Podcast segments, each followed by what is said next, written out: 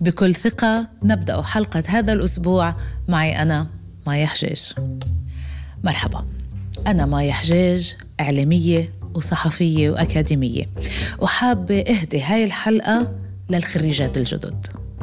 الصبايا الحلوة اللي درست وعافرت وتعبت وتخرجت من الجامعة وهلأ هي مقبلة على تدشين مسارها الوظيفي ودخولها عالم الشغل والدوام والمكاتب بإجرى اليمين. بس قولوا يا رب خلينا نبلش في مرحلة ما بعد التخرج وهي مرحلة توزيع السيرة الذاتية أو ال CV على كل بقاع الأرض. إجتك فرصة عمل وبيسبقها المقابلة أو ال interview. النصيحة الأولى بهاي المرحلة هي التفاوض أثناء المقابلة لأنه في اعتقاد سائد إنه طالما ما عندك خبرة فأنت غير قادرة على التفاوض على الأجر وساعات العمل. بينما الواقع يقول إنه ممكن تطلبي شروط معقولة وإن كان من الصعب قبول ذلك فعلى الأقل بيني انه طموحك مش محدود وإنك تتوقعين تعديل هذا العرض بعد سنة أو سنتين وبتتوقعي ترقية أو تغيير مسمى الوظيفي أو زيادة بالراتب. عدم المحاولة على الأقل يعرضك لخسارة 15% من امتيازاتك. وقبولك الفوري يعني أنك مش مصدقة أو إمكانياتك غير مقدرة وهذا شيء بياخدوه قسم الموارد البشرية بعين الاعتبار. فحاولي على الأقل وإن قوبلت بالاعتراض فعلى الأقل اطرحي آمالك وتوقعاتك للسنتين القادمة أمامهم وطموحك بتغيير بعض من هذه الشروط خلال سنة أو سنتين. وحنشرح الآن النصيحة الثانية اللي هي مرحلة ما بعد استلامك للعمل. النصيحة الثانية هي استهلي وابدأي المشوار بوضع خطة عمل career plan ضعي لنفسك أهداف وبدك تحققيها بأول عام خلال عملك. كالعمل على ترقيتك إلى منصب آخر أو تعلم مهارة جديدة ثم أهداف أخرى بعد ثلاث ثم خمس سنوات. أوجدي طرق مبتكرة ومرنة. من المؤكد أنك لن تحققيها كلها ولو إني بتمنى إنك تحققيها. ولكن وضعها بطريقة مرنة ومنطقية يسهل عليك اتخاذ القرارات. ما تخليها مقتصرة على العمل. يمكنك على راحتك أن تشملي السفر أو الاستثمار أو شراء سيارة أو زواج أو أي شيء جاي على بالك. حياتك ملكك أنت وحدك. استعملي صوتك ووضحي إنجازاتك. الكل في نطاق العمل بيعمل المطلوب منه وينشغل بمسؤولياته ومهامه فلا تتوقعي أن يعرف الجميع بما تقومي به. وتخمني أن تحديات عملك معروفة للجميع عند احتياجك لشيء معين أو خدمة أو مساعدة من زميل أو مدير قومي بطلبه بشكل مهذب وواضح ومباشر. العمل لا في خجل ولا عزة نفس. وما عليك من أم كلثوم لما تقول وعزة نفسي منعاني لأنه كوكب الشرق كانت تقصد الحب مش الشغل.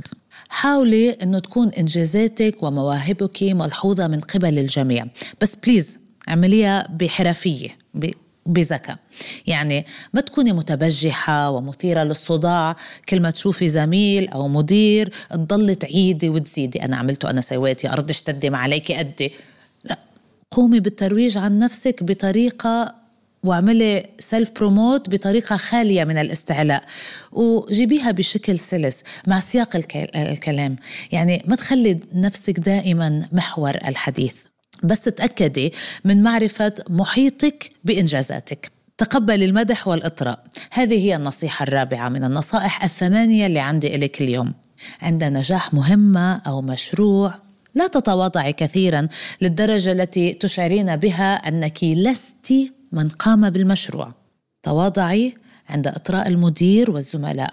واقبلي اعترافهم بجهودك. ثم بعدها يمكنك بكل لباقة أن تذكري أنه كان عملا جماعي وجهود مثابرة من الجميع ولكن إياك أن تقللي من دورك في هذا النجاح ولا وزنه ولا ثقله حنجي النصيحة الخامسة.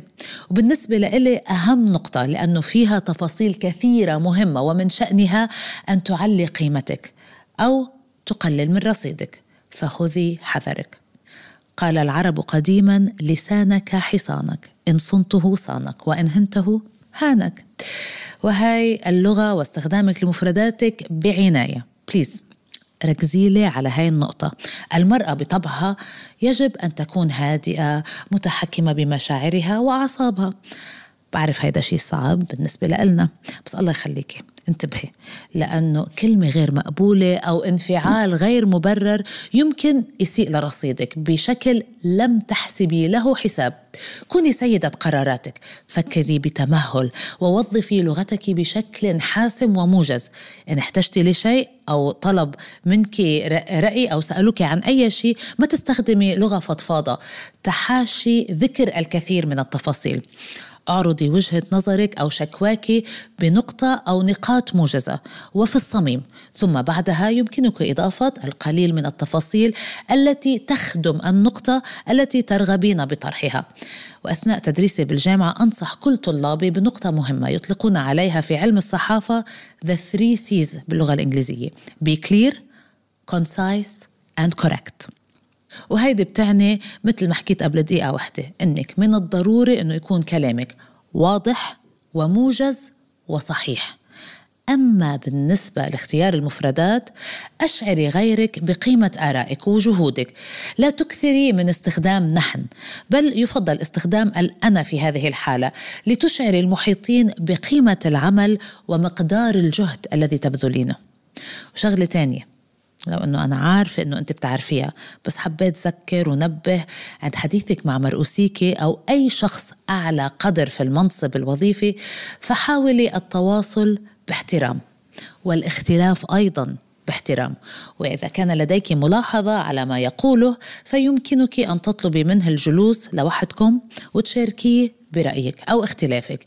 ولكن لا تنتقدي مديرك أمام الآخرين فالتصرف بهذا الشكل سيكون غير لائق من باب الأدب ولا تحمد عقباه بالنسبة لمستقبلك معه في المكتب. وكما قال روبرت جرين المؤلف المفضل لمعدة البودكاست تهاني والتي تنصح بمراجعة كل أعماله لمصلحتك الخاصة كما قال بكتاب 48 قانون للسلطة 48 Laws of Power Never outshine your master أي لا تبدي تفوقك على مديرك. وآخر نقطة حاب اضيفها قبل ما ننهي هاي النصيحة. هي ختام الحديث أو بعد أن تنهي وجهة نظرك أو بعد آه، ما تقدمي مشروعك. انتبهي. هون ما تطلبي رأي غيرك ولا تنهي حديثك بجملة ما رأيك بل استخدمي تكنيك مهذب يوحي بأنك مستعدة لسماع وجهة نظره ولكني لا أعول عليه كثيرا ولا يؤثر على ثقتي بنفسي وبمشروعي أو عملي أو وجهة نظري. يعني بعد ما تخلصي حديثك يمكنك تقولي وأكيد يعجبني أو يهمني أن أعرف رأيك لأنه سؤالك عن رأيه مباشرة يعني أنك متشككة في إنجازك أو مشروعك أو وجهة نظرك. بينما لو أنهيتي كلامك ب ويسعدني أن أعرف رأيك فأنت عم بتبيني أنك واثقة ومنجزة وفقط سأسألك من باب الأدب عن رأيك. شفت الفرق؟ اعمليها بحرفية ودهاء. فمستقبلك يهمني حبيبتي رائدة المستقبل ومستمعة بودكاست بكل ثقة.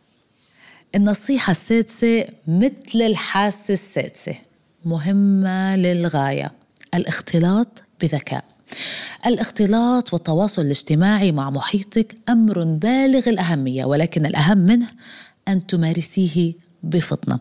فالتواصل مهارة اجتماعية قد لا تجدي فيها أي صعوبات وشخصيتك من النوع المستقبل الذي لا يخشى التعرف على ناس جدد وقد تكوني انطوائية بعض الشيء ولكن مع بعض الإرشاد قد نساعدك على جعل الموضوع سهل كركوب الدراجة. أما إذا كنت بتعرفي أصلا كيفية ركوب الدراجة فهذا موضوع بكل صراحة ما بقدر ساعدك فيه على الإطلاق من منبري هذا. وحاولي ما تعصبي معدة البودكاست لأنه هي بتتعصب كتير بسرعة. بنرجع للنقطة المهمة وهي النتوركينج. تعاملي بذكاء بمسألة الاختلاط. واختاري الأشخاص الصح. ليس المقصود اختيار أصدقاء من محيط العمل تتناولين معهم وجبة الغذاء وتتسلين معهم في أوقات الاستراحة وبريك الشغل. قصدي هنا اختاري الاختلاط مع أشخاص صحيحين تستطيعين الاستفادة من خبرتهم. أو نصائحهم أو تتمكنين من تعلم شيء جديد أو مهارة من خلالهم. وهذا الذي نطلق عليه اسم سمارت نتوركينج حتى لو كانت من صفاتك الانطوائية. حاولي قدر الإمكان أن تكوني واعية وحاضرة. بيني تعاطفك مع الزملاء. كوني مستمعة جيدة وشاركيهم الأفراح والأحزان. وإذا حدث أن رأيت ما يضايقك من أحد الزملاء أو تصرف خذلك. فلا تتوقفي بس تعلمي الدرس واعرفي أين تضعي ثقتك وكملي مشوارك بكل ثقة مثل اسم بودكاستنا. قد تحتاجين لوقت أطول لتراقبي بيئة المكتب ومحيط العمل وتتعلمي أكثر عن الزملاء وطبيعة علاقاتهم وتصرفاتهم وطريقة تعاطيهم مع الآخرين. ما بهم؟ خدي وقتك وما تستعجلي. ولا تضعي ضغط غير مبرر على نفسك ونفسيتك. ابدأي التواصل والتعارف عندما تكوني جاهزة حتى لو استغرقك الأمر أول كم شهر بعد انضمامك إلى العمل. فقط ضعي في بالك أن تضعي حدود معينة للاختلاط بالجميع وبالأخص الطريقة التي ترغبي أن يراك عليها زملائك قبل زميلاتك. وأنت فهمي قصدي. أتمنى أن تكوني لا تزالي معنا مستمعة بودكاست بكل ثقة. أتمنى أيضا أن تسمعي نصيحتي أنا الشخصية ورح أهديكم إياها بآخر الحلقة. خليكي معنا. النصيحة السابعة. ضعي حدود واضحة للمحيطين بك في العمل. Boundaries. Boundaries boundaries. تكلمي بصوت عالي إن طلب منك البقاء لساعات إضافية غير متفق عليها. وأوضحي أن الأمر غير مقبول إلا إذا كانت تلك الساعات مدفوعة أو لأيام استثنائية تخص مشروعا معينا. على ألا يتكرر الأمر كل أيام الأسبوع وكل أسبوع. عبري عن تفضيلك لعدم استقبال مكالمات هاتفية تتعلق بالعمل سواء من المدير أو الزميل أو الزميلة بعد انتهاء ساعات العمل. وهلأ نصيحة مايا. إذا كان العمل من أولوياتك في هذه المرحلة من حياتك ووجدت فرصة للنمو وتعلم مهارات جديدة في قسمك أو أي قسم آخر في عملك عندها سيكون البقاء طويلا أو لساعات إضافية هو خيارك الشخصي. في حالة عملت المطلوب منك وهناك فرصة للنمو بتعلم مهارة من قسم آخر أو بملاحظة ومراقبة متخصصين وقررت استخدام وقتك فهذا الشيء بيرجع لك. ولكن نصيحتي الشخصية أنا مايا حجاج إنك تستغلي فرصة التعلم أو المراقبة إذا عندك شغف وطموح بتعلم شيء جديد أو الانتقال إلى قسم آخر أو اكتساب مهارة مختلفة. أنا قمت بهذا في مشواري المهني. قبل الكثير من السنوات بدأت أعمل موظفة فنية في قسم مونتاج الأخبار ولكنني كنت أحضر في أيام إجازتي وأجلس في غرف المحررين والصحفيين وأراقب وأدون ملاحظاتي وأتعلم منهم ما أرغب به. فلا تضيعي أي فرصة واستغلي وجودك في المكتب لتحقيق بعض من طموحاتك. خلصت حلقة اليوم من بودكاست بكل ثقة. خليكن معنا بالحلقات المقبلة وارجعوا احضروا الحلقات السابقة لأنه الكلام ده كبير ومفيد وخليك تعيشي وتتعايشي بكل هدوء وسلام داخلي وبكل ثقة. أرجو التنويه أن هذا البودكاست لا يستند إلى تجارب شخصية. هذا البودكاست هو مجموعة من تجارب شخصية وآراء فردية ومقتطفات من أهم الأبحاث والمقالات العلمية.